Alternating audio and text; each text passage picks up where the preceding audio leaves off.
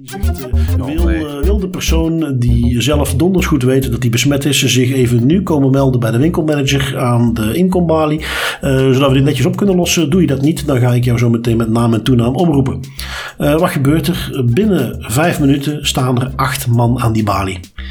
Dus ja, dat, oh, nee. dus goed, dat soort. En, en ja, dat gebeurt gewoon. En we, we staan daar misschien niet bij stil.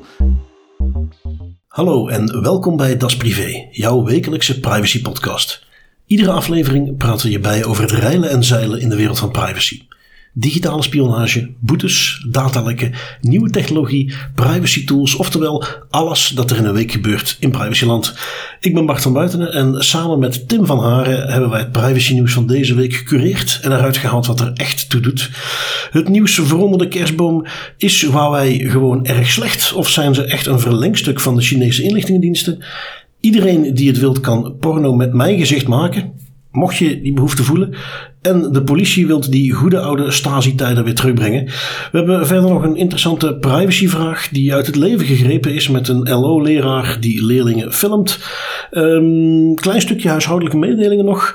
Volgende week, we hebben het al aangekondigd, ook wij gaan een klein beetje vakantie vieren. Dus geen aflevering van Das Privé.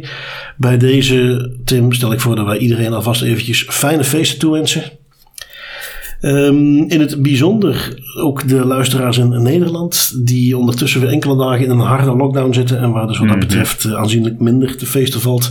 Um, voor de rest uh, alvast een hele fijne kerst en een gelukkig nieuwjaar. Ja, voor mij ook. Fijne kerst en een gelukkig nieuwjaar. Um, dat gezegd zijnde vliegen wij er gewoon in met het nieuws van deze week.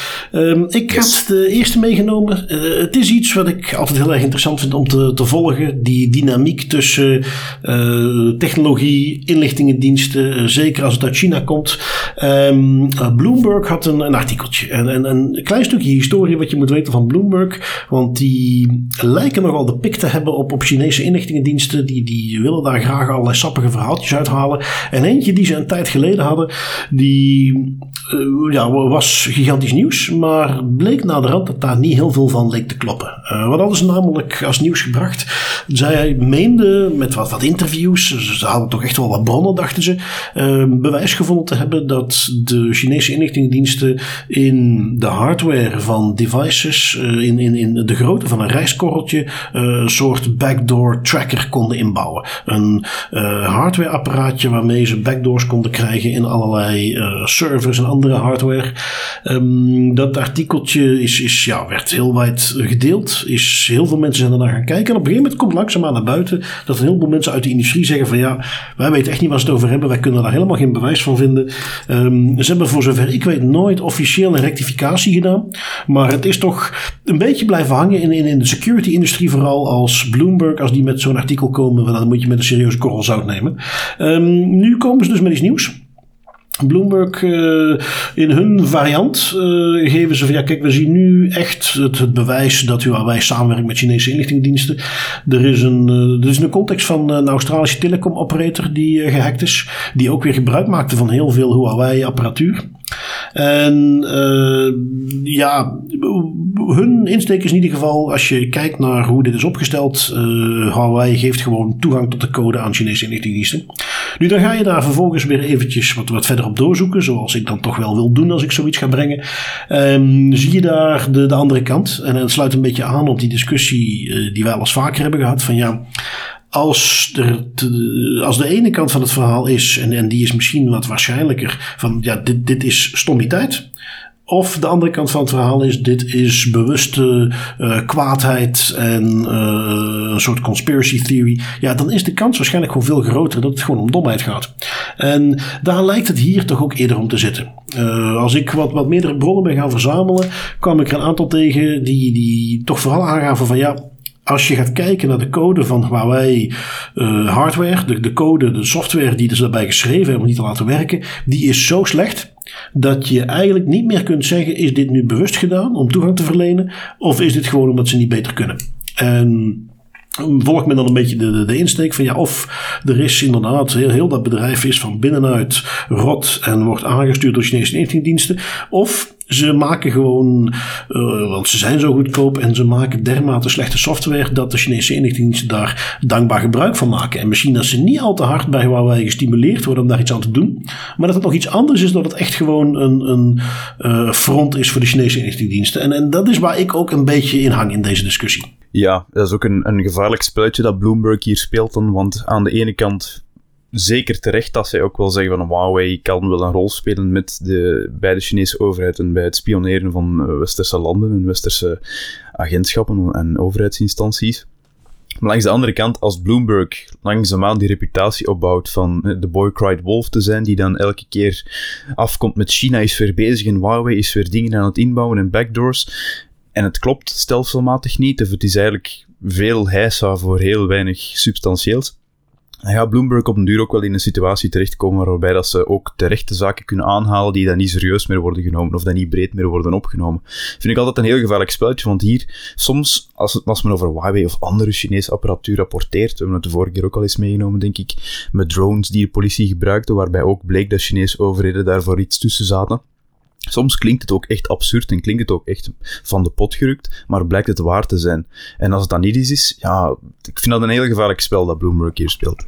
Ja, en, en het verschil zit er dan ook in, eh, als dat inderdaad, want dat was toevallig ook weer het nieuws deze week, geloof ik, terwijl wij het daar een paar maanden geleden al over gehad hadden, over het gebruik van die DJI-drones door de Belgische politie.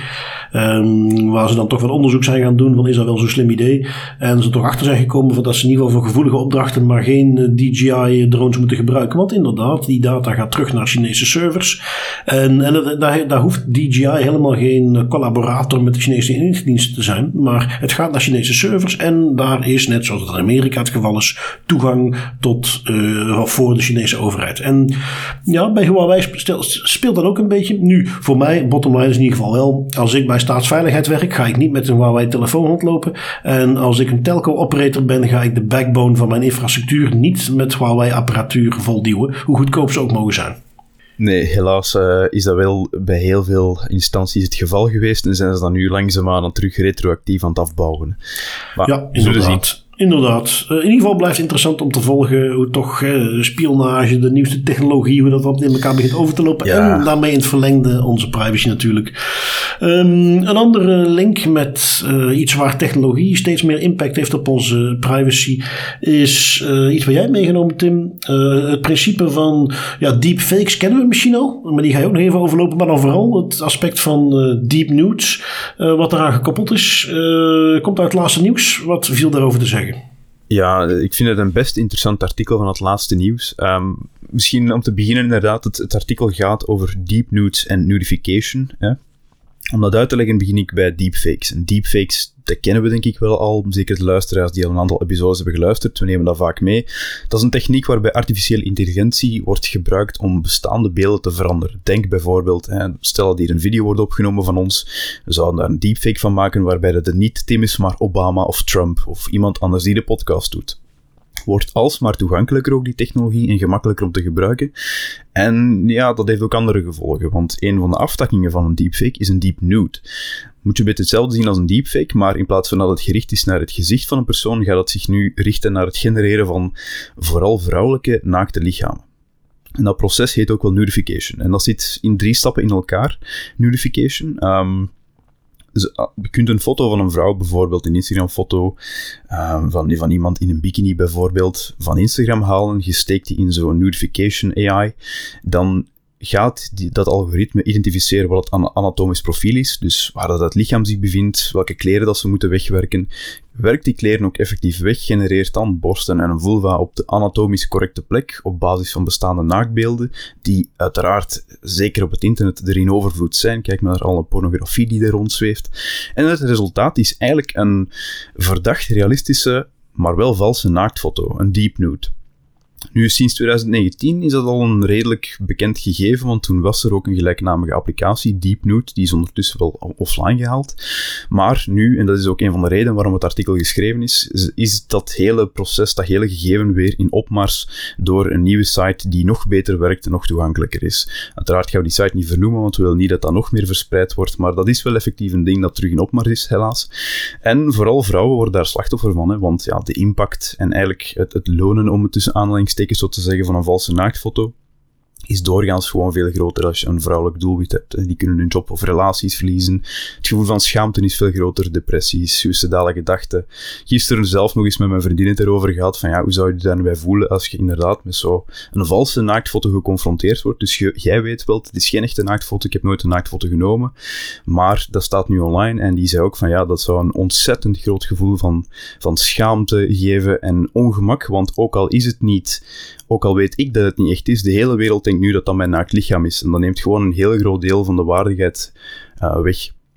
Dus ik vind het heel mooi dat de HLN daar ook een artikel aan wijdt. Uh, moet ik ook meteen een shout-out geven naar Catharine van de Heining, professor aan faculteit Rechten van Universiteit Antwerpen, want die werkt ook mee in dat artikel en die deelt regelmatig op social media uh, interessante zaken rond wraakporno, verspreiden van naakbeelden en zo. Ik vind dat een, ik vind dat een gek gegeven. Um, en jammerlijk geval van ja, technologie die een beetje te ver gaat en die nu misbruikt wordt voor een walgelijk doeleinde. Ja, eh, het is in, in die zin ook een heel interessant voorbeeld van het schenden van privacy zonder strikt theoretisch privacy echt te schenden, want je bent het niet. Um, wat ik ook op het moment dat ik zoiets lees, uh, wat, wat in ieder geval voor mij altijd weer eventjes een kleine wake-up call is, maar eh, ik moet eerlijk toegeven, vaak is mijn eerste reactie op zoiets van ja, ach, als iemand de behoefte zou voelen om mijn hoofd op een fake lichaam te zetten en van mij een maakbeeld te verspreiden. Ze moeten hun gang maar gaan. Als er ooit iemand denkt dat ik de chanteren ben met als je niet zoveel bitcoin betaalt, dan gaan we jouw naakbeelden verspreiden.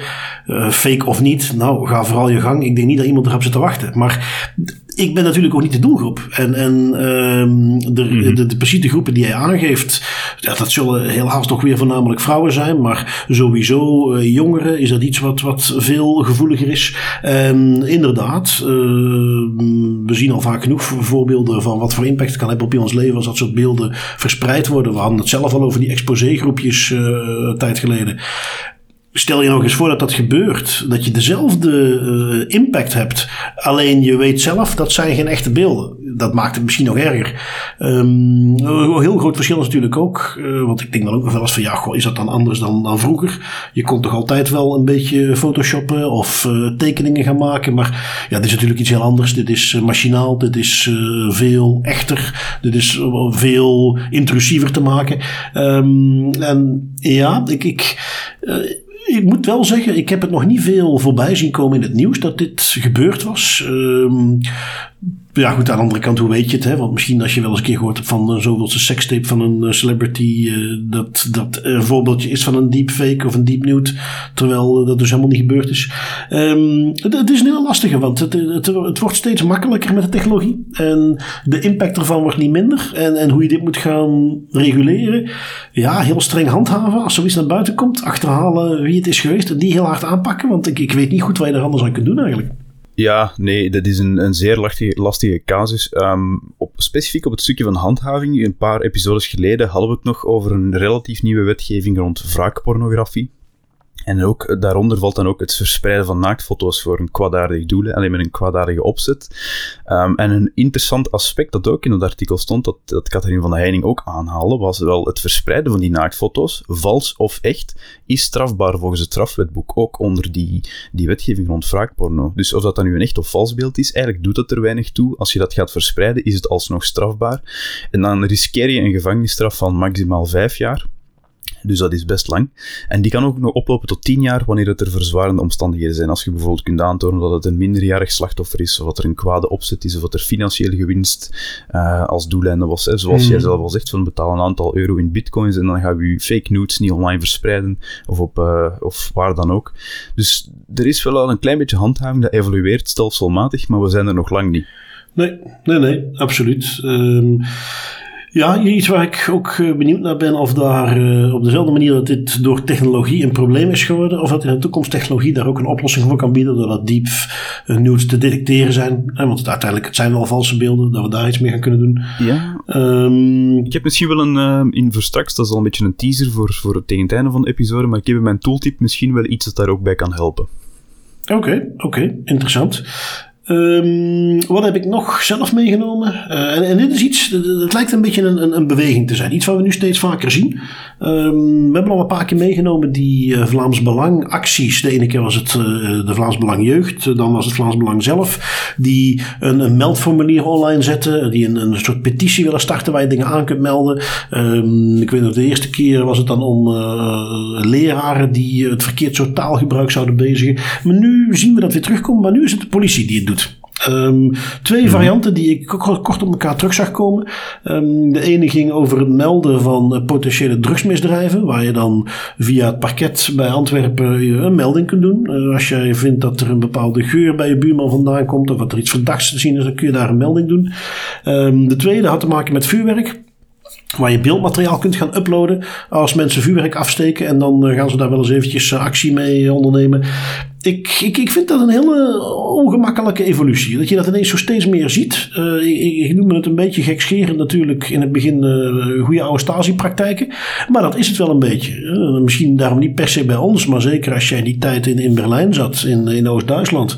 Ehm, en daar had je echt een cultuur van elkaar erbij naaien ah, dat, dat, begint er nu ook een beetje bij te komen. Hè? Zo iemand die. Uh, doet mij denken, heel typisch, maar ik heb voor de studenten van de Thomas More Hogeschool. die moeten voor hun uitwerk moeten die voor mij een, een, security assessment doen van een bedrijf. En dat bedrijf is een case study die ik bedacht heb. En dat bedrijf heet Snitch. En het idee van die website is: eh, Snitch is een website.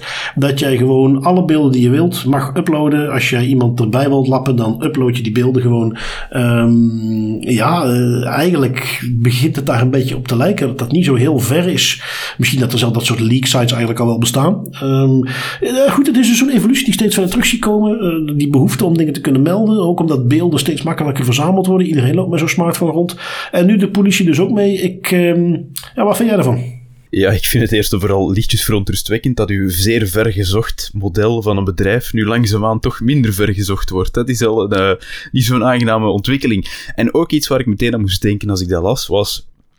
We hebben het ook opnieuw weer een paar keer gehad in de podcast al doorheen dit hele jaar over het verschil tussen de Nederlandse en Belgische mentaliteit op het vlak van kliklijnen. En dit is eigenlijk een evolutie in de verkeerde richting. Want vroeger, nee, niet zo heel lang geleden, een paar maanden nog, had ik zoiets van, ja nee, hier in België, dat doen wij niet, helemaal niet. Terwijl in Nederland heerst die klikcultuur nu wel. En ja, kijk nu, nu doen we het zelf. We zijn even ten ja. Ja, ja we zijn uh, zoals altijd in België onze inspiratie weer aan het halen bij Nederland. En dan doen we het een paar jaar later zelf. Nou ja, goed. Ik, ik hoop dat daar dus vervolgens ook gewoon helemaal geen gebruik van wordt gemaakt. Uh, dat zou de makkelijkste oplossing zijn. Um, goed, wat ik me dan natuurlijk in het verlengde daarvan afvraag, de, de meer typische GDPR-vragen, uh, los van het feit dat ik het een, een, ongemakkelijke evolutie vind. Ja, wat gebeurt er met zo'n melding? Als die opgevolgd wordt, uh, wordt die dan vervolgens geclasseerd als er niks uitkomt? Gaan ze die allemaal onderzoeken? Uh, worden die hmm. beelden verwijderd na x aantal tijd? als er te veel meldingen zijn, worden dan meldingen sowieso zonder gevolg geclasseerd en worden die verwijderd? Kan dat ergens blijven hangen in een dossier? Als ik erop uit ben om mijn buurman eens even naar hak te zetten, moet ik die gewoon een paar keer anoniem, want dat is misschien ook belangrijk om erbij te vermelden. Het, men voorziet specifiek de mogelijkheid om die dingen ook anoniem te doen. Um, dus ja, als ik vind dat mijn buurman de laatste paar jaren met kerst iets te veel lawaai maakt. Ik denk, ik zal het dit, dit jaar eens even bijlappen. Ik doe zo'n melding. Uh, ja, dat kerstfeestje gaat aanzienlijk verstoord worden. En voor de rest voor mij geen gevolgen, want ja, het is toch anoniem. Um, dus vooral, vooral ook dat aspect. Ik had dat geprobeerd, maar goed, for what it's worth. Uh, na die berichtgeving op Twitter, want ook het parket komt met dit soort dingen tegenwoordig op Twitter naar buiten natuurlijk. Daar wat op te reageren en te vragen van, goh, kunnen we daar eens wel weder horen doen? Uh, want ja, ik vind dit wel apart, maar dingen zoals bewaartermijn, hoe jullie daarmee omgaan en wat er gebeurt met die meldingen, hoe je uh, zorgt dat daar geen misbruik van gemaakt kan worden, ben ik toch wel benieuwd naar. Daar, daar zal wel over nagedacht zijn. Uh, maar daar heb ik geen reactie meer op gehad. Um, en ja, dat, dat zou ik hier dan op zich wel graag willen weten. Wie weet dat men hier lang en diep over nagedacht heeft en ervoor gezorgd heeft dat er allerlei procedures voorzien zijn die de mogelijke privacy impact, die de mogelijke risico op, op misbruik van zo'n functie om mensen erbij te lappen die niks hebben gedaan, dat daar heel goed over nagedacht is. En dan zou ik dat heel graag horen. Maar daar heb ik nu op dit moment nog niks van gevonden. Noem me een klein beetje sceptisch, maar ik vrees ervoor, want als men er heel lang en diep over had nagedacht, had men dat waarschijnlijk al lang gedocumenteerd en ergens transparant beschikbaar gemaakt. Ik vrees er een klein beetje voor dat het hier een ander scenario is. We weten het natuurlijk niet en ik, ik, vind het, ik blijf het gewoon apart vinden dat men inderdaad zo een, een project naar buiten brengt, wat dat op zich ook ergens misschien wel een meerwaarde kan bieden op een bepaald niveau. Mhm. Maar kijk, als men daar niet transparant over is over wat er gebeurt, zeker als het gaat over, anoniem, over gegevens die je anoniem kunt insturen, wat dat niet wil zeggen dat de gegevens die gestuurd worden anoniem zijn, ja, dan, dan zitten we nog in de kinderschoenen, bij wijze van spreken. En dan zouden we eigenlijk, eigenlijk eerst moeten werken aan de communicatie en de transparantie voordat dat überhaupt naar buiten komt. Ja. Helemaal waar. Um, uh, we gaan door met een, een, ander voorbeeldje. Dat komt uit uh, Engeland. Van de Independent heb jij meegenomen. Uh, ja, een, een, klassiekertje die we al wel eens een paar keren voorbij hebben zien komen. Maar die eigenlijk een mooi antwoord biedt op die vraag. ja, maar privacy, je hebt toch niks te verbergen? En waarom dat natuurlijk wel zo is. waar, waar ging dit voorbeeldje over? Ja, je zegt het zelf al, een, een zeer klassiek scenario dat, is, dat ik al veel te vaak heb afgespeeld in deze COVID-tijden. Een vrouw gaat, in, uh, gaat iets drinken in een pub in Cardiff in Engeland. Laat daar netjes haar contactgegevens achter voor COVID-tracing. Wat dat ik eigenlijk dacht dat al lang achterhaald was, dat systeem. Maar blijkbaar in Brittannië doen ze dat nog altijd. Um, en de barman, voor de een of andere reden, denkt daar gewoon totaal niet bij na. En later absoluut geen gras stuurt terwijl die vrouw nog in, aan de, in de bar zit, meteen een bericht dat ze een mooi gezicht heeft.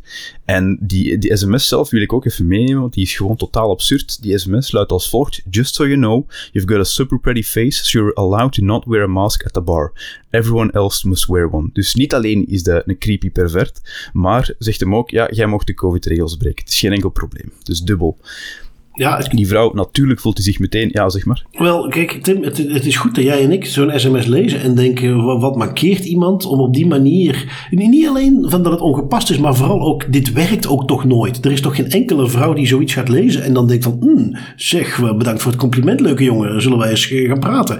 Um, heel goed dat wij zo denken, maar kennelijk zijn er voorbeelden genoeg. En, en er zijn dus kennelijk, want ook op, op LinkedIn circuleren dat soort voorbeeldjes continu. Er zijn kennelijk mensen genoeg die denken dat dit werkt en dat dat een gepaste manier is om iemand te benaderen. Ik kan er met mijn hoofd ook niet bij, maar ze bestaan.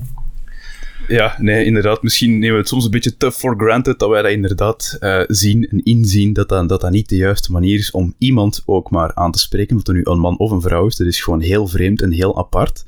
Uh, maar wat, hij doet het toch maar. Hij shoots his shot en hij misses. En die vrouw, ja, natuurlijk voelt hij zich meteen oncomfortabel, hè, zoals we ook al hadden voorspeld.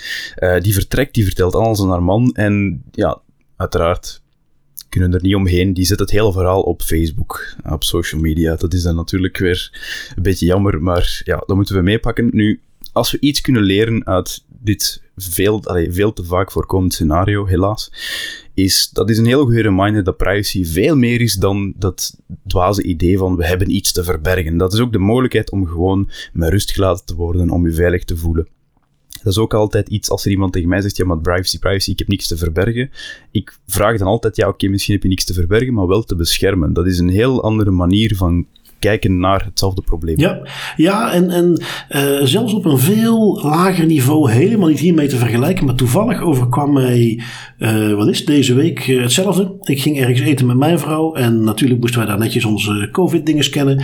En een hele joviale ober, die daar voor de rest niks mee bedoelde.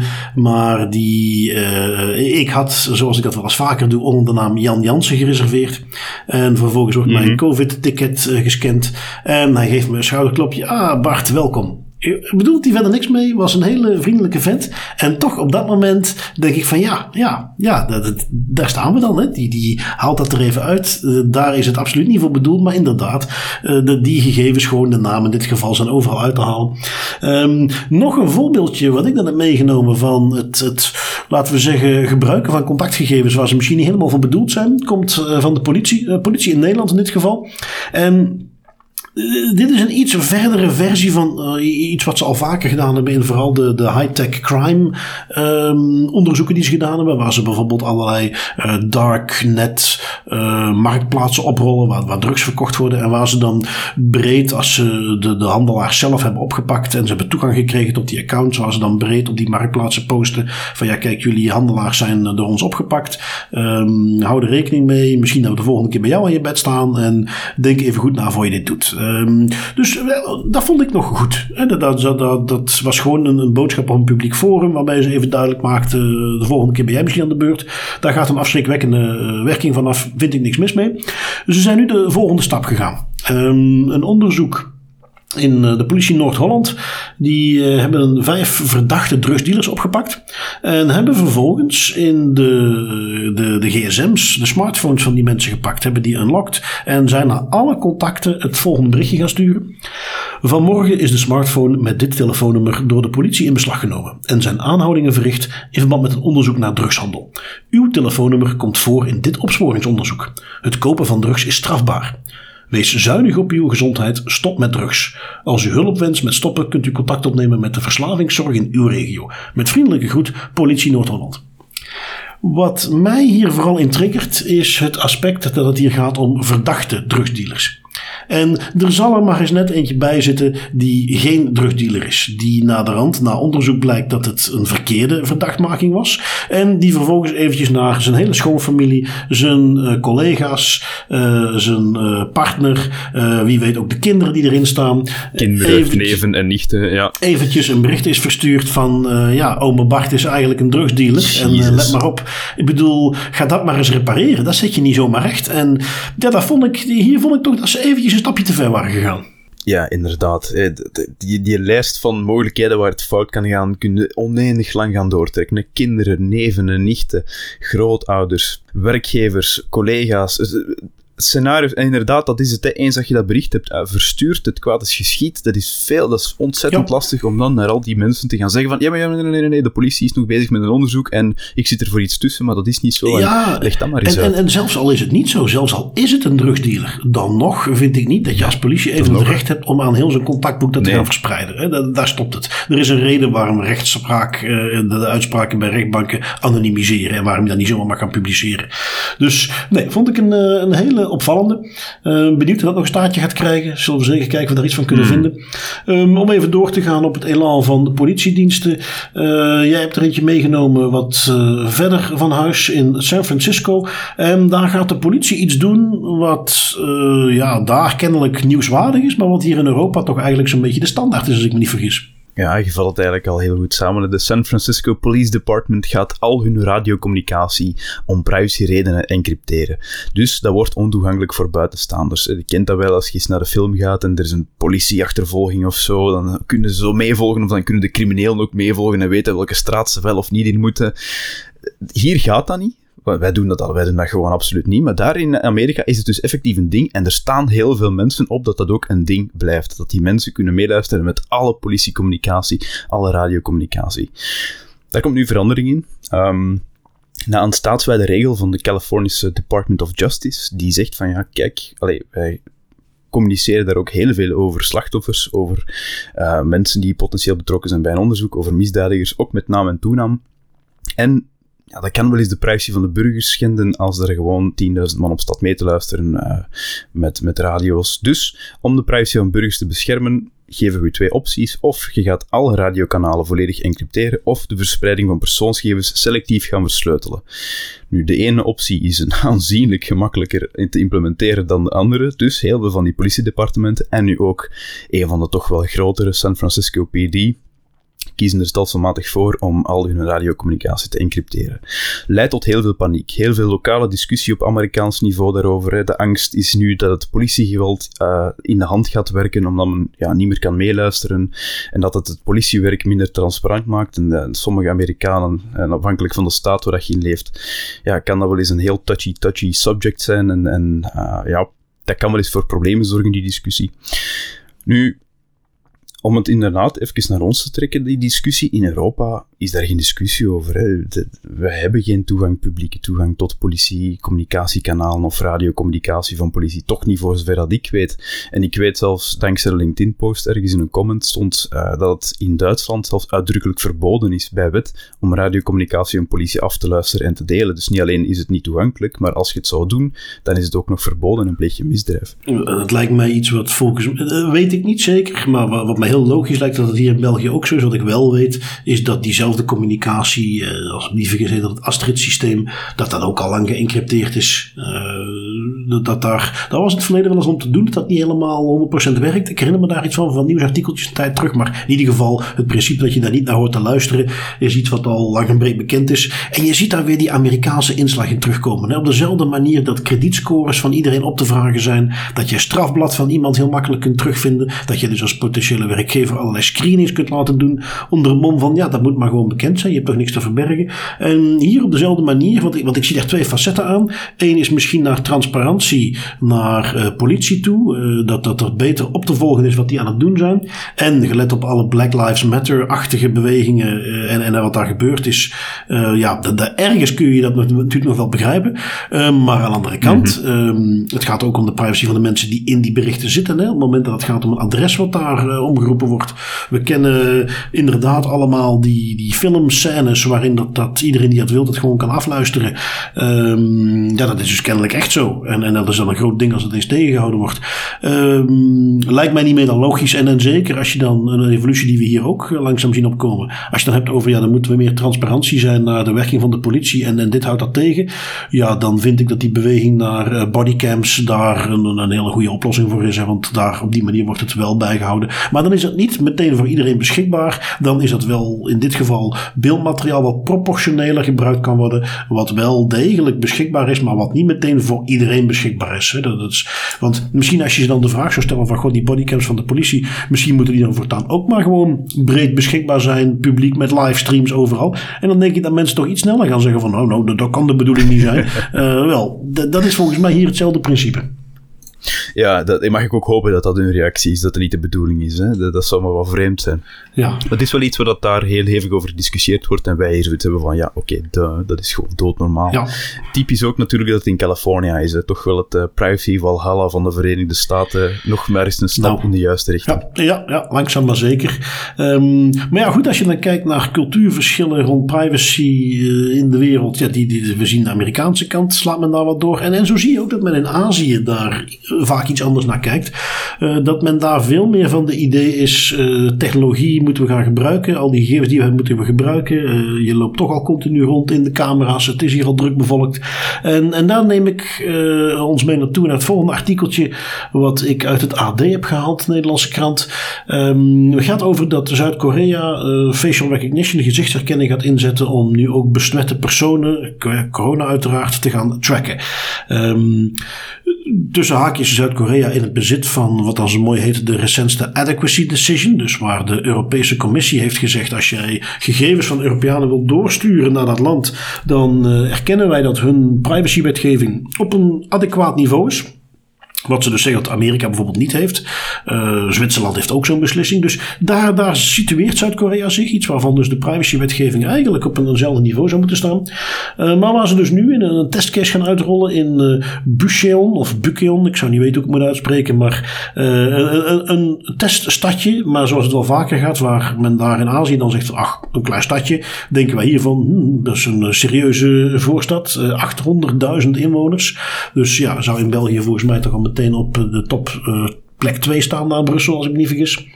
Uh, en daar gaan we dat dus testen. Um, het is een systeem wat dan aan de hand van uiteraard artificiële intelligentie en, en gezichtsherkenning beelden van de 10.820 beveiligingscamera's die die voorstad Rijk is gaat gebruiken om te analyseren. En op die manier dus iemand die besmet is um, ja, in de gaten te kunnen houden. Um, ergens, en, en, dat is natuurlijk waar ik het wel terug zie komen. Doe me denken aan een verhaaltje wat ik uh, in de Nederlandse krant las. Um, ging over het volgende. Iemand komt, een medewerker komt bij de manager van de supermarkt. En die zegt van ja, ik, ik, ik zit hier een beetje met een een moeilijke situatie. Want ik heb hier net iemand zien rondlopen die ik ken. Uh, die loopt hier in de supermarkt rond. En ik weet ook dat die persoon recent uh, positief getest heeft met corona. Dus die, die, die moet in quarantaine zitten. Die mag hier helemaal niet rondlopen. Dus wat, wat moet ik daarmee doen? En uh, ja, wat zegt die manager? Ik, zeg, ik, ik los dat wel op. we gaan dat even als volgt aanpakken. Dus die pakt de bekende microfoon die dan heel de winkel doorschaalt. En die zegt, oh, wil, nee. wil de persoon die zelf donders goed weet dat hij besmet is, zich even nu komen melden bij de winkelmanager aan de inkombalie. Zodat we dit netjes op kunnen lossen. Doe je dat niet, dan ga ik jou zo meteen met naam en toenaam omroepen. Uh, wat gebeurt er? Binnen vijf minuten staan er acht man aan die balie. Dus Ja, dat, oh, nee. dus goed, dat soort. En, en ja, dat gebeurt gewoon. En we, we, staan daar misschien niet bij stil. Maar ik denk dat dat op dezelfde manier ook op andere plekken, dat dat geen unieke situatie was. En ja, in die context zeg je misschien van ja, dit, dit is misschien het soort technologie wat nodig is. Want op het moment dat iemand besmet is, ja, die hoort zich dan sowieso niet buiten te begeven. Dus op het moment dat die dan getracked zou kunnen worden, ja, dan heeft hij het ook een beetje aan zichzelf te danken. Um, het is eh, Zuid-Korea qua context. Het, het, is een, land waar men al een heel behoorlijk uh, agressief high-tech volgsysteem heeft. Waarmee creditcardgegevens, locatiegegevens van telefoons, uh, beveiligingscamerabeelden, dat soort dergelijke informatie wordt al veel bijgehouden. Hè, waar wij aan strijden zijn tegen onze dataretentiewetgeving dat is daar al lang een, een, een, iets wat vaststaat en wat gewoon gebeurt. Dus de context is weer helemaal anders. Maar ja, interessant om het ook te bekijken hoe er eh, op hele andere plekken naar zo'n fenomeen als privacy wordt gekeken. Want hier eh, vindt men dat toch een hele correcte afweging om het op die manier te gaan doen. Al is het nu natuurlijk een testcase. Ja, ja, en dan is het inderdaad de vraag of dat het ook iets gaat uithalen. Hè? Want dat kan ook gewoon even goed zijn dat het hier gaat om symptoombestrijding en dat men uiteindelijk ja, de, de, het aantal besmettingen van, van COVID-19 gewoon niet, niet binnen de perken houdt door mensen te gaan volgen. Want dat is een beetje die vraag die ik mij stel hier: van oké, ja, je gaat die besmette mensen dan volgen met facial recognition camera's in een teststad van 800.000 inwoners. En wat is het einddoel? Is het einddoel die mensen dan uh, aanspreken en bewust maken van het feit dat zij binnen moeten blijven, uh, boetes uitgeven? Hoe moet ik dat dan zien? Staat dat ook in het artikel? Uh, nee, dat heb ik uh, niet meer terug zien komen wat dan de gevolgen moeten zijn. Maar ik neem aan, oh ja, uh, ja, goed, als het in China is, ga je misschien meteen kennis maken met een heropvoedingskamp. In Zuid-Korea zal het misschien eerder de bedoeling zijn om die mensen gewoon vriendelijk terug te leiden naar huis met eventueel een boete. Staat er niet in. zoiets zou ik dan wel verwachten. nu goed, dit is denk ik een, een mooi voorbeeldje van dataretentie en het gebruik van die gegevens. Die daar al op een heel ander niveau staat. Als we dan even kijken hoe wij daar hier tegenaan kijken, dan zijn we nog aan het schoppen tegen zelfs de beginselen van dat soort wetgeving. En dat is ook hetgene waar jij uh, iets van hebt meegebracht, uh, oorspronkelijk in, in Tweakers.net. Uh, iets over de laatste evolutie in de dataretentiewetgeving bij ons in België. Ja, ja, ja. Gewoon heel kort even vermelden. Hè. We hebben die omstreven dataretentiewet die we al een aantal keer hebben meegenomen in de podcast de voorbije weken en maanden. Die eigenlijk simpelweg vroeger zei van kijk, um, je moet een backdoor inbouwen voor handhavingsdiensten en andere overheidsorganisaties in de end-to-end encryptie van WhatsApp en Signal en andere chatdiensten, want wij moeten op, op elk mogelijk moment toegang kunnen krijgen tot die chat. Um, wat dat eigenlijk op heel veel vlakken gewoon al een zeer onrealistisch en zeer privacy-invasief voorstel was, hebben ze nu ook effectief ingezien. Uh, ze hebben het licht een beetje gezien, misschien een paar keer geluisterd naar de Dasper V-podcast ook. En ze hebben die dataretentiewet nu ook een beetje afgezwakt. Hè. Toch wel wat meer naar de realiteit terugkeren. Um, en ze zeggen van oké, okay, fine, we gaan geen backdoor inbouwen in de end-to-end encryption. We gaan niet vereisen dat dat ingebouwd wordt eerder ja, in chatdiensten zoals WhatsApp en Signal. Maar er staan wel nog een aantal andere zaken in die ook nog ja, voor discussie vatbaar zijn, laten we maar zeggen. Um, zo moet het verplicht, verplicht opslaan en beschikbaar maken van metadata aan wethandhavingsdiensten nog altijd, uh, dat wordt nog altijd verplicht. Noodoproepen mogen nog altijd niet versleuteld worden en via juridische procedures kunnen overheidsdiensten wel nog toestemming krijgen om af te luisteren of mee te lezen. En die laatste, ja, dat klinkt misschien heel vaag, maar ik ben wel blij dat het er zo in staat, want dat wil ook zeggen dat er altijd een toetsing van de proportionaliteit zal moeten gebeuren voordat iemand een, bevel krijgt of een toestemming om te gaan afluisteren of mee te gaan lezen. En op die manier krijgen we dus geen sleepnetwetgeving. Hè, wat dat eigenlijk daarvoor wel het geval was, dat er gewoon backdoors ingebouwd werden en iedereen à la carte toegang kreeg, om het zo te zeggen. Nu is het toch wel meer formeler en in een bepaald proces geduwd. En dat vind ik wel goed. Ja, eh, het doet me wel een beetje denken aan wat uh, Matthias Dobbelaar Welvaart in zijn eh, gastoptreden hier ook al eens aangaf. Van ja, dit, is iets waar als je kijkt naar de, de, de praktische dingen die hierbij zouden komen kijken, zo'n backdoor een end-to-end encrypted communicatie. Uh, en, en gewoon hoe dat ligt in de maatschappij, waarvan je eigenlijk al wist, dit gaan ze er niet doorheen krijgen. Dat, dat, dat geloven ze zelf ook niet echt. Dit is een compromis wat ze er al ingestopt hadden van oké, dan gaan we dat weglaten en laten we de rest staan. En, en dat is waar ik hier dan nog extra aandachtig op zou zijn. Van ja, wat, wat blijft er dan over? Uh, en, en zit daar niet gewoon nog steeds de dingen in waar we los van die end-to-end encryption, uh, waar we ons nog steeds tegen willen verzetten. Um, dat is iets waar ik zeker benieuwd ben, wat ook de Ministry of Privacy, de Liga van de Mensenrechten, die dit heel van nabij opvolgen, wat hun uh, feedback hierop is. Of zij zeggen van ja, hier zit inhoudelijk nog steeds van alles mis. Of dat dit met een aantal aanpassingen tot een veel proportionelere dataretentiewetgeving heeft geleid. Daar uh, ben ik zelf ook nog niet over uit. Ja, en als die feedback er is, dan nemen we die uiteraard mee. Ja, inderdaad. Um, even zien, wat hebben we nog? Ja, we hebben al een paar keer voorbij laten komen als het ging over die AirTags van Apple. In hoeverre dat die mhm. dingen ja, ook, al zeggen ze zelf dat ze daar wat tegen hebben willen doen, dat die potentieel misbruik in de hand werken, uh, is toch iets waar ja, ook weer de mensen van Apple toch duidelijk dat is privé luisteren en gedacht hebben, hmm, goed punt jongens, daar moeten we iets mee doen. En die hebben nu een app gepubliceerd, want als je zelf een Apple telefoon hebt, ja, dan, dan kreeg je al meldingen als er zo'n AirTag bij jou in de buurt was, als iemand een poging deed om je te volgen. En ze hebben nu een app gelanceerd die ook de, de Android versie daarvan is. Um, sloten aan bij een verhaaltje wat ik ook op Twitter voorbij zag komen. Van een, een, een dame die verslag deed van het feit dat ze eh, op de weg terug was van huis nadat ze uit was geweest. En steeds op de telefoon die meldingen binnenkreeg van hé, er zit een AirTag bij jou in de buurt. Ze heeft dan thuis de, handtas en alles doorgelopen, niks gevonden. Uh, iemand die ze kende heeft dan de auto is goed bekeken. En vond dus inderdaad zo'n AirTag die ergens bij de voorwiel was verstopt. Um, om haar dan in de gaten te houden. En ja, in ieder geval, ja, het, gebeurt dus. En, en die technologie die Apple daar rond heeft gemaakt, maakt dit mogelijk. Op een manier die met de andere uh, alternatieven. Je hebt iets wat Tile heet, geloof ik. Uh, Samsung heeft ook zoiets. Um, wat, toch veel minder accuraat is. Veel minder live uh, dingen meegeeft. En nu heeft Apple dus een toeltje gepubliceerd om ook in de Android-context die, die tags op te kunnen sporen. Um, iets waar ik ook nog even kort op terugkom in de tooltip. Ik heb hem niet gewoon één op één overgenomen als tooltip. Um, maar hij komt nog een keer terug. Maar goed, je, je ziet dus dat men zich toch wel bewust begint te worden van het feit van ondanks de, de, de dingen die we hebben gedaan om dit te voorkomen, is het toch uh, een risico waar we iets aan moeten doen. En ze komen dus nu met die app op, uh, op Android. Ja, en lijkt me wel op zich allee, een goede compromis tussen aan de ene kant de functionaliteit van die AirTags intact houden, want het is wel een heel handig ding dat voor veel eh, goede doeleinden gebruikt kan worden en echt wel een meerwaarde kan bieden. En aan de andere kant de, de zaken waar het dan ja, voor mis, eigenlijk misbruikt wordt, we moeten het zo noemen, want dat is het ook. Het volgen van mensen, het stalken van mensen, het lastigvallen van mensen. Ja. Um, daar gaat men dan wel echt goed te werk. Ik vind dat wel een, goede compromis. Ja, inderdaad. Um, iets waar ik vind dat men iets minder goede compromissen maakt, is als het gaat om eh, remote examens afnemen van studenten.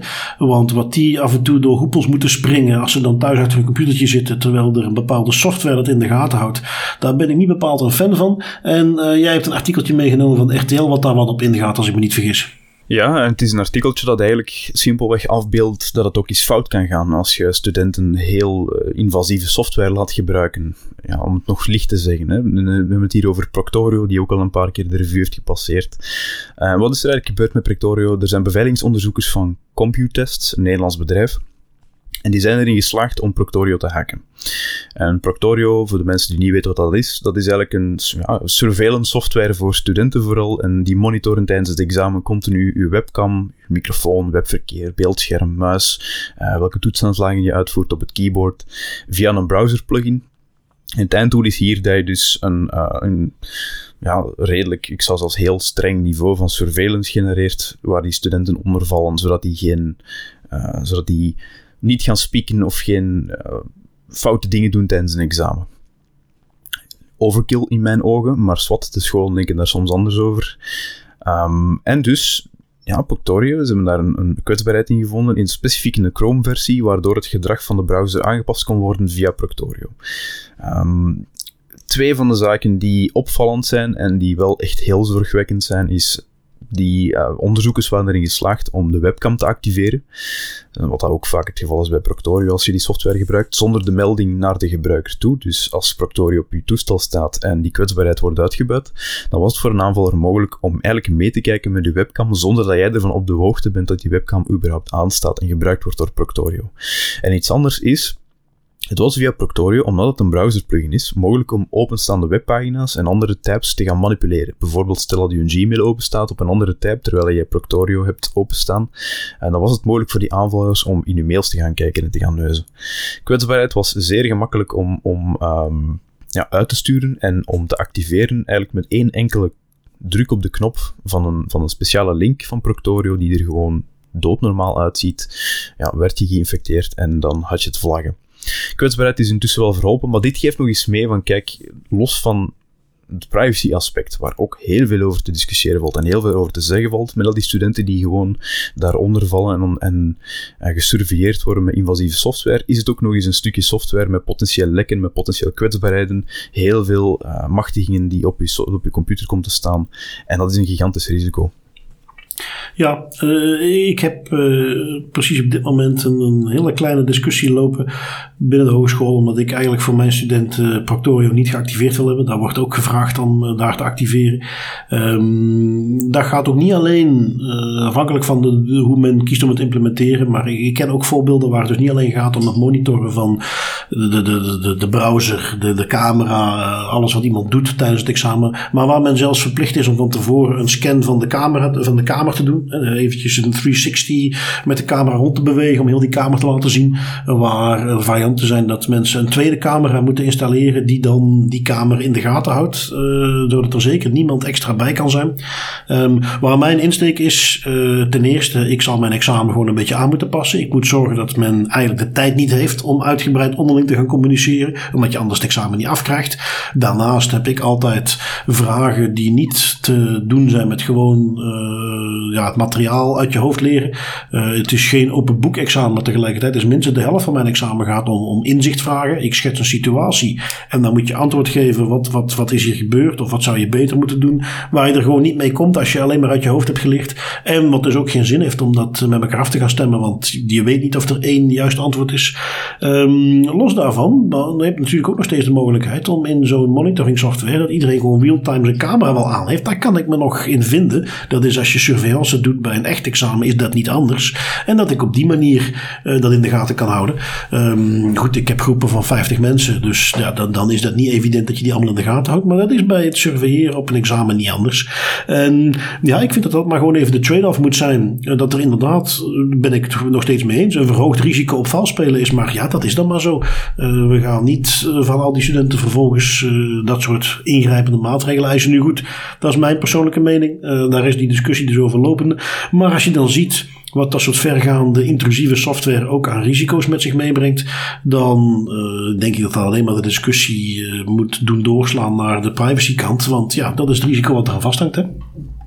Ja, klopt. En dan geef je inderdaad het argument mee van, ja, kijk, ik heb 50 studenten, dus hoe moet ik die dan in godsnaam al gaan surveilleren? Maar dan komt de school af met, ja, ja, ja oké, maar binnen ons abonnement van Proctorio hebben wij ook een AI die we kunnen gaan gebruiken, die de studenten mee in het oog houdt. En dan zijn we weer vertrokken. Ja. Ik, ik, vind, ik vind inderdaad dat, ik vind het een beetje een luie oplossing, als ik het zo brutaal mag zeggen. En ik vind inderdaad, wat dat jij ook aanhaalt van, schrijf uw examen anders, of voorzie meerdere varianten van het examen, dat niet iedereen zomaar kan samenwerken. Er zijn zoveel andere oplossingen die veel minder intrusief zijn dan Proctorio gaan gebruiken met alle features. Een webcam inderdaad, daar kan ik ook nog in komen, maar... En dan moeten we ook nog misschien meegeven, het is, uh, het is onvrijwillig. Want als je gewoon weigert, ja, dan kan je niet meedoen aan het examen. Dus dat is ook weer iets om, om, voor de studenten, dat is zeer onaangenaam. Ja. Dus uh, ja, toch interessant om te zien of dan zo'n kwetsbaarheid zoals dit toch een aantal extra universiteiten en hogescholen overtuigt om het anders te gaan doen. Um, mm-hmm. Ik heb er nog eentje bij, kort, gewoon omdat ik hem. De privacy link is wat lichter, maar ik vond hem gewoon interessant. Uh, en, en, ja, wat, wat is een das privé zonder een beetje Facebook? Um, een van de, de grote mannen bij Facebook had een interview gegeven, dat haalde een beetje de pers. Uh, Bosworth heet die, uh, die wordt ook CTO van Meta binnenkort. Dus, dus ja, geen kleine jongen binnen Facebook. En die haalde dan de pers, uh, omdat er uit een interview met hem wat dingen gehaald werden, waarin hij het bijvoorbeeld over desinformatie had. En waar die uitspraken deed die eigenlijk neerkwamen op van ja, uh, wij hebben binnen Facebook alles gedaan wat we kunnen. Wij hebben fantastische informatiecampagnes rond uh, corona gedaan. En als mensen dan toch er nog voor kiezen om, om de, de, de fake nieuwsberichten te willen delen en te lezen, terwijl er allerlei andere informatie beschikbaar is, ja, dan kunnen wij er ook niks meer aan doen. En dan zijn wij niet verantwoordelijk voor het verspreiden van desinformatie op ons platform. Dan zijn dat die zelf. Wat, eh, wat vind je daarvan, Tim? Ik vind, dat, uh, ik vind dat eigenlijk frappant en straf dat hij dat durft zeggen, want ja, we weten allemaal hoe dat social media en al Facebook, Instagram en alles werkt. Hè. Dat werkt daar zitten ook algoritmes achter, want uiteindelijk het doel van Facebook en van Instagram en van alle andere soorten social media is niet vriendjes maken. Dat is misschien voor de gebruiker wel het doel, maar het doel voor social media bedrijven is u zo lang mogelijk op het platform houden. Engagement. En engagement creëren door algoritmes te bouwen die u continu een, een dripfeed geven van informatie die relevant is voor u, op basis van uw profiel. Maar dat wil dus ook zeggen dat als jij een antivaxer bent, om het even te zeggen, of iemand die in conspiracy theories gelooft, of in wat dan ook, maar in eigenlijk desinformatie ook ergens, dan krijg je op den duur via het algoritme ook enkel informatie toebedeeld die daaraan relevant is, die gelijkaardig is. En ja, dan zijn het niet de gebruikers die dat zichzelf in de hand werken, want die worden gewoon geconfronteerd met nieuwe informatie. Dat is het hele concept van een informatiebubbel. Ja, en, en het gaat in. Eh, en, en, je kunt het niet meer naïef noemen van de top van Facebook. Het, het is een bewuste strategie, daar kun je niet anders aan concluderen. Mhm. Eh, het gaat in tegen die wetenschap.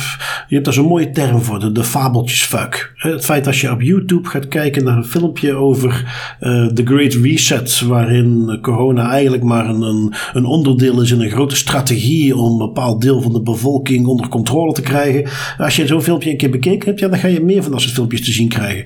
Uh, want het algoritme heeft een versterkende werking. Die wilt, heeft maar één doel. Dat is om jou zo lang mogelijk, zoveel mogelijk op dat platform te houden. En dat is een manier, content geven waar je kennelijk in geïnteresseerd bent. Dat is een manier om jou daar binnen te houden. En dat is bij Facebook niet anders.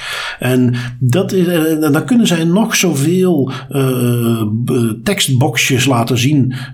Op Twitter zie je die ook veel voorbij komen. En dan gaat er een tweet over corona. Ik heb dat ook alles gemerkt. Als ik het woord COVID in een tweet stop, dan komt er meteen bij te staan. Wil je extra informatie over corona, kijk dan hier. Je kunt op Google ook niet meer zoeken zonder zo'n linkje te zien.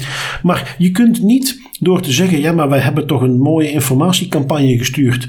Uh, je vervolgens volledig kwijten van het feit dat jouw hele platform alleen maar gebouwd is om mensen zo lang mogelijk actief te laten zijn en dus de content te geven die ze willen. Niet de content die goed voor ze is, maar de content die ze willen of waar ze hebben aangegeven door eerdere berichten aan te klikken dat ze die zouden willen. En waarmee ze dus steeds dieper die desinformatie, fabeltjes, fuik induwt. En om dan maar gewoon te zeggen van ja, maar we hebben zo'n fantastische informatiecampagne gedaan. Als mensen er nou nog niet voor gaan, ja, dan is het omdat ze het niet willen. En daar kunnen wij ook niks aan doen. Dat is gewoon uh, ja, heel goedkoop en uh, ja, een klein beetje op het zieke af. Want zo iemand in die positie, die zou beter moeten weten uh, hoe het in elkaar zit. Of het is buitengewoon naïef. Hè? Dat dat zelfs op dat niveau mensen toch echt niet weten hoe de wereld echt in elkaar zit.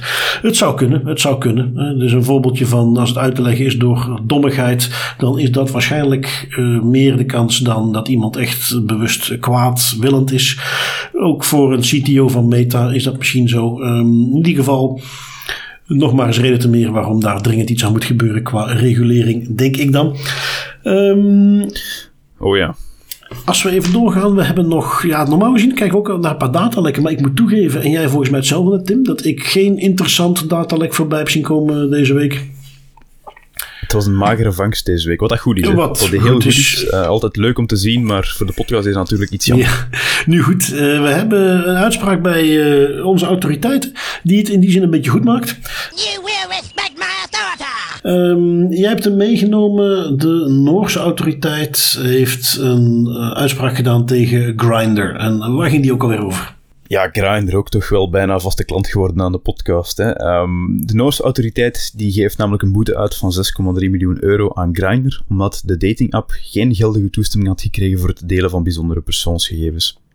Nu, het probleem bij Grindr is eigenlijk redelijk simpel. Grindr stuurt uw persoonsgegevens en locatiedata door naar externe partners, advertentiepartners, etc. En die advertentiepartners sturen de data op hun beurt weer door naar andere partners, die het dan op hun beurt weer doorsturen naar andere partners. En dat blijft zo doorgaan tot als je uiteindelijk met een, ja, een groot orde van bedrijven gaat die in de duizendtallen loopt. Van geldige consent is helemaal geen sprake, want gebruikers moeten dan gewoon akkoord gaan met de privacyverklaring en daar krijg ik elke keer opnieuw kippenvel van als ik dat zie, want het is, eh, de clue is in de name, het is een privacyverklaring, het is gewoon een statement naar buiten dat je je met privacy bezighoudt en dat je de regels zult respecteren. Je kunt eigenlijk niet akkoord gaan met een privacyverklaring in mijn ogen, ik vind het altijd een vreemd concept. Dus er werd niet specifiek toestemming gegeven dat die data buiten Grinders ecosysteem kwam uh, en dat die dus ook in duizenden andere bedrijven terecht kwam. En wat het nog erger maakt, is dat er eigenlijk zelfs geen sprake is van vrijelijk gegeven toestemming, wat dat ook een vereiste is van toestemming, een van de zoveel. Um, want als je geen toestemming gaf, ja, dan moet je een abonnement betalen om Grindr te kunnen gebruiken. En dat is gewoon, ja, dan, dan zijn we niet bezig over vrije toestemming. Dan is het ofwel ga je betalen ofwel ga je bekopen. Ja, ja, valt geen spel tussen te krijgen. Ik vind het alleen heel goed dat zeker zo'n platform, wat toch ontzettend veel gevoelige gegevens verwerkt, daar nu eens een keer uh, voelt hoe dat in elkaar zit. Um, ik kan alleen maar zeggen dat me dat een 100% terechte boete lijkt. Um, eentje die een beetje in, in hetzelfde tramien, um, dat je zegt van goh, moest daar zo lang over gedaan worden, is de boete die, uh, sorry, geen boete die is opgelegd, maar uh, de KNIL, de Franse autoriteit, die zich nu ook uitgesproken heeft over Clearview. Clearview, we kennen ze nog, die uh, Amerikaanse tool die het internet is gaan afschuimen en van iedereen beelden en namen is gaan verzamelen en daar gezichtsherkenningstechnologie op is gaan toepassen, waardoor zij naar eigen zeggen van 3 miljard unieke individuen een gezichtsherkenningstemplate hebben. Um, eerder al een Hamburgse autoriteit die destijds zei, naar aanleiding van een specifieke klacht van iemand, ja dat mag niet, je moet van deze ene persoon een template gaan uh, verwijderen. Waarom ze dat niet meteen gewoon voor alles deden, weet ik niet. Um, in uh, Zweden kreeg de politiedienst een boete voor het gebruik van Clearview omdat het onrechtmatig verkregen is. Uh, we hebben in de UK, waar de ICO, de autoriteit al daar, een voornemen tot boete van 17 miljoen pond heeft opgelegd ten aanzien van Clearview. Uh, tussen aanleidingstekens in die zin dat een voornemen tot boete bij de ICO vaak betekent dat daar aanzienlijk wat vanaf zal gaan tegen dat die boete echt wordt opgelegd. Maar goed, ook zij hebben gezien, hier klopt iets niet. En nu dus de knil die zegt uh, op het Frans grondgebied moet Clearview verboden zijn. Want de manier hoe zij gegevens verzamelen is onrechtmatig. Het, uh, heel goed natuurlijk, maar tegelijkertijd denk ik, kunnen we dit misschien gewoon in één keer voor heel Europa doen. Moet dit door iedere autoriteit mm. apart specifiek nog eens benoemd worden. Want dat Clearview in ieder geval in Europese context iets doet wat tegen de wet is, is toch zonde klaar. Ja, dat is uh, een heel terechte opmerking en inderdaad een doodzonde dat dat vandaag de dag nog altijd niet het geval is. We hebben al heel veel case law, we hebben al heel veel jurisprudentie op dat vlak. Genoeg om ook te bewijzen van, kijk, Clearview is gewoon iets dat niet kan in Europa. En het feit dat nu elke aparte autoriteit daar nog uitspraken over moet doen, is een beetje jammer. Ja, ja, 100%. Um, het enige wat ik dan in ieder geval zou uh, mee willen geven is, uh, mochten wij luisteraars hebben bij de autoriteit persoonsgegevens of de gegevensbeschermingsautoriteit in België, laat dit een mooi voorbeeldje zijn van iets waar je initiatief in kunt nemen en niet hoeft te wachten op een klacht en dat we meteen proactief gewoon laten weten. Clearview, ook in België en Nederland, kan dit niet door de beugel. Um, wat hebben we dan nog bij? Een privacyvraag. Een luisteraar heeft hem ingestuurd, uit het leven gegrepen. Um, ik kondig hem al aan. Het gaat over een leraar LO, lichamelijke opvoeding, die uh, filmpjes maakt. Um, klonk misschien iets drastischer dan wat in ieder geval, uh, zoals het mij beschreven in zijn context is. Ik uh, geef het even mee. Leraar LO filmt met zijn persoonlijke mobiele telefoon de kinderen die aan het sporten zijn, met als uitleg om thuis punten te kunnen geven. Um, de zoon van de luisteraar is niet goed in LO, weigert dit en maakt kenbaar aan de leerkracht waar de klas bij staat. Desondanks moet die zoon de oefeningen doen, terwijl de leerkracht het toestel met de camera op hem gericht houdt. Uh, zoon komt zwaar overstuur thuis, uh, weet heel goed dat zijn privacy geschonden is, maar is tegelijkertijd bang om slechte punten te krijgen feedback van de school, van de leraar. Uh, bij aanvang van het schooljaar moest aangegeven worden of de zo'n leerling dus gefotografeerd mocht worden in het kader van uh, sfeer op school. En uh, men beroept zich daarop om te zeggen van daarom mogen deze beelden opgenomen worden en mogen daarvoor gebruikt worden. Um, de luisteraar zelf geeft al aan van volgens mij klopt dat toch niet. wat denk jij Tim? Ja, als het van mij afhangt, nee, natuurlijk niet. Je geeft de toestemming voor één ding. Sfeer op school is iets helemaal anders dan LO. Ik weet dat nog goed genoeg in het middelbaar. Er was geen sfeer te bespeuren in LO. Nee, nee, nee, inderdaad. En uh, daar, is het natuurlijk, hè, dat is dat basisprincipe van uh, je verzamelt gegevens of je doet iets met gegevens voor een bepaald doeleinde. Uh, we kennen allemaal, of nou, ik ken die formuliertjes, want ik moet die jaar na jaar moet ik die ook tekenen. er is iets heel anders dan dat er een foto op de schoolwebsite komt of dat die gebruikt wordt om het schoolfeestje te illustreren in een nieuwsbrief naar alle ouders. Uh, versus een leraar LO die, ja, ik kan het eigenlijk stiekem niet anders uh, concluderen dan gewoon te lui is om ter plekke te evalueren en dan maar filmpjes gaat maken. Um, ik, ik moet ook toegeven, als ik daar zo eens even over nadenk, stel je voor dat die zo van iedere leerling van die filmpjes zit te nemen. Ik heb ooit in een verleden ook wel eens gedacht, weet je wat, ik ga lessen opnemen en ik ga interviews die ik doe, ga ik opnemen, want dan kan ik die aan de rand nog eens herbeluisteren. Wat is de praktijk? Dat heb ik nooit gedaan, want dat is uren gedoe, dat, dat doe ik niet. Um, en, en hier, voor mij klopt hier van alles niet. Eén, in de basis, nee, die toestemming die je aan het begin van het schooljaar hebt gegeven, dekt zeker de lading hier niet. Ten tweede, ook even naar puur, nog los van het doeleinde, is dit noodzakelijk? Eh, je geeft LO, je ziet kennelijk, geeft die leraar aan, ik sta erbij, ik zie die leerling doen wat hij doet. Ja, geef op dat moment gewoon een punt. Daar hoeft toch geen hele diepgaande evaluatie plaats te vinden. Um, ehm, LO-leraren in de decennia hiervoor hebben dat ook allemaal kunnen doen zonder een camera op iemand te richten. Dus ik zie hier het punt echt niet. En um, ja, ik vind het eigenlijk heel erg kwalijk uh, dat een LO-leraar zoiets doet. Zeker als dan kennelijk zo'n leer, zo'n leerling ook al aangeeft dat hij daar niet van gediend is. Dat toch blijven doen. Uh, ik denk dat op zijn minst eventjes een hele stevige awareness op die school van toepassing is. En persoonlijk, beste luisteraar, als, het, uh, als ik het mocht kiezen, dan zou ik hier helemaal tot aan de klacht bij de GBA gaan. In de hoop dat hier iets mee gebeurt. Want ik vind dit echt niet kunnen. Nee, en dat is hetgeen dat mij ook het meeste stoort aan dit hele scenario, is dat die, uh, die jongen dan ook effectief aangeeft aan de, zijn LO-leerkracht van kijk, eigenlijk voel ik me daar helemaal niet comfortabel mee dat je mij filmt met je nota bene persoonlijke mobiele telefoon. En die LO-leerkracht zegt gewoon vlak af, ja, nee, uh, doe toch maar je sportoefeningen en ik ga je toch lekker filmen. Als je een klein beetje, eh, een beetje empathisch vermogen hebt op dat moment, dan denkt ook fijn, oké, ik zal er gewoon notities van nemen op papier, zoals het vroeger gebeurde, zoals iedereen het altijd al heeft gedaan. En dan is het ook goed. Ja. Dat is ja, onbegrijpelijk. Ja, ja, want kijk, als het kennelijk allemaal op basis van die beelden kan, dan moeten we misschien maar eens uh, innovatieve technologieën toe gaan passen, artificial intelligence, en dan kunnen we misschien het vak van LO-leraar volledig automatiseren op basis van beelden. Is ook een oplossing, dan zijn we hier ook vanaf. Maar ik denk dat dat niet de bedoeling is. Um, dat gezegd zijnde, wij hebben onze categorie met privacy tools nog. Um, je hebt een leuke meegenomen. Ik had die stiekem ook al eens zien staan. Uh, had hem niet meegenomen meegenomen. Jij hebt er ah, wel meegenomen. Waar, eh, wat voor tip is het? Ja, ja, mijn tool is Fox. En meteen ook een knipoog naar het originele Das Privé logo, het masker van Guy Fawkes, het buskruidcomplot. Uh, Fox is een tooltje gemaakt door Security Algorithms Networks and Data Lab, of SAND Lab, van de Universiteit van Chicago. En ik vind dat een heel graaf ding, want dat is eigenlijk software waarmee je foto's onbruikbaar maakt voor het genereren van gezichtsherkenningsmodellen van je gezicht.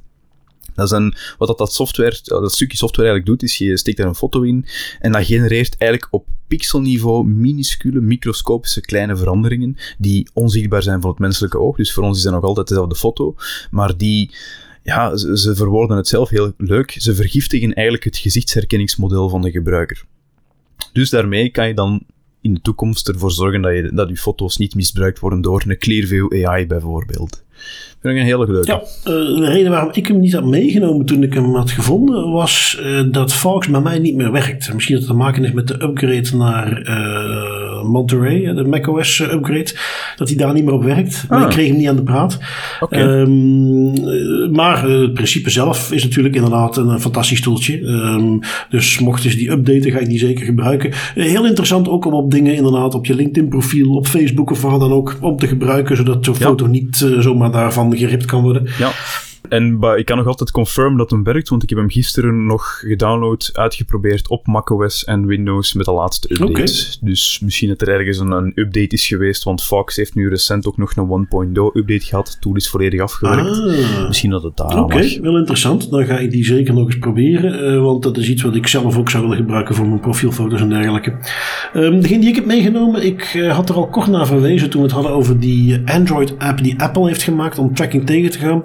Uh, degene die ik heb meegenomen kwam in onze Element chat voorbij. De Das Privé chat die we hebben. Uh, ons privacyvriendelijke Slack alternatief. Ehm, daar gaf iemand aan van ja, die eh, Android app is op zich wel een, goede stap in, in de richting. Maar die werkt alleen maar als je hem aanzet. En er is nog een andere app die continu zit te monitoren. Die in de gaten houdt of er van die AirTags zijn. Ook al ben je dat niet zelf actief aan het opzoeken. En die heet AirGuard. Hmm. de link gaat uiteraard in de show notes komen. En dat is er dus eentje die op zich dezelfde functie heeft, maar die het net even iets beter doet. En die ook, als jij niet zelf die app open hebt, jou een waarschuwing gaat geven als er zo'n AirTag in de buurt is. Um, ja, omdat natuurlijk in een, uh, op iOS zelf heb je die meldingen, die komen al binnen en dan kun je gaan zoeken. Maar op Android nog niet, dus het is alleen maar een Android-app die ik dan eens een keer meeneem. Uh, maar leek me heel nuttig om mm -hmm. toch eventjes uh, mee te nemen met die extra functies. Ja, een hele nuttige en relevante gezien de hoop artikels die we de laatste weken over hebben meegenomen. Heel ja, tof. Inderdaad, goed om jezelf en je Lamborghinis te beveiligen. Um, dan zijn we er weer voor deze week. En ja, voor de komende twee weken dan, Tim. Het was mij dit jaar een uiterst genoegen om samen met jou deze podcast op te nemen. En daar gaan wij volgend jaar nog eens, uh, niet zo heel dunnetjes, maar heel dik nog eens over doen. Dubbel en dik. Het was uh, zeer leuk, heel plezant. Ook om te zien hoe dat, dat uiteindelijk gegroeid is van een, een gek hobbyprojectje naar waar dat we nu staan. En ja, ik ben gewoon benieuwd hoe dat 2020 nog allemaal gaat brengen. Bij deze ook bedankt aan alle luisteraars natuurlijk om altijd zo trouw te luisteren en met leuke input te komen, vind ik altijd heel fijn. Absoluut, heel erg bedankt. Tot volgend jaar. Bye bye.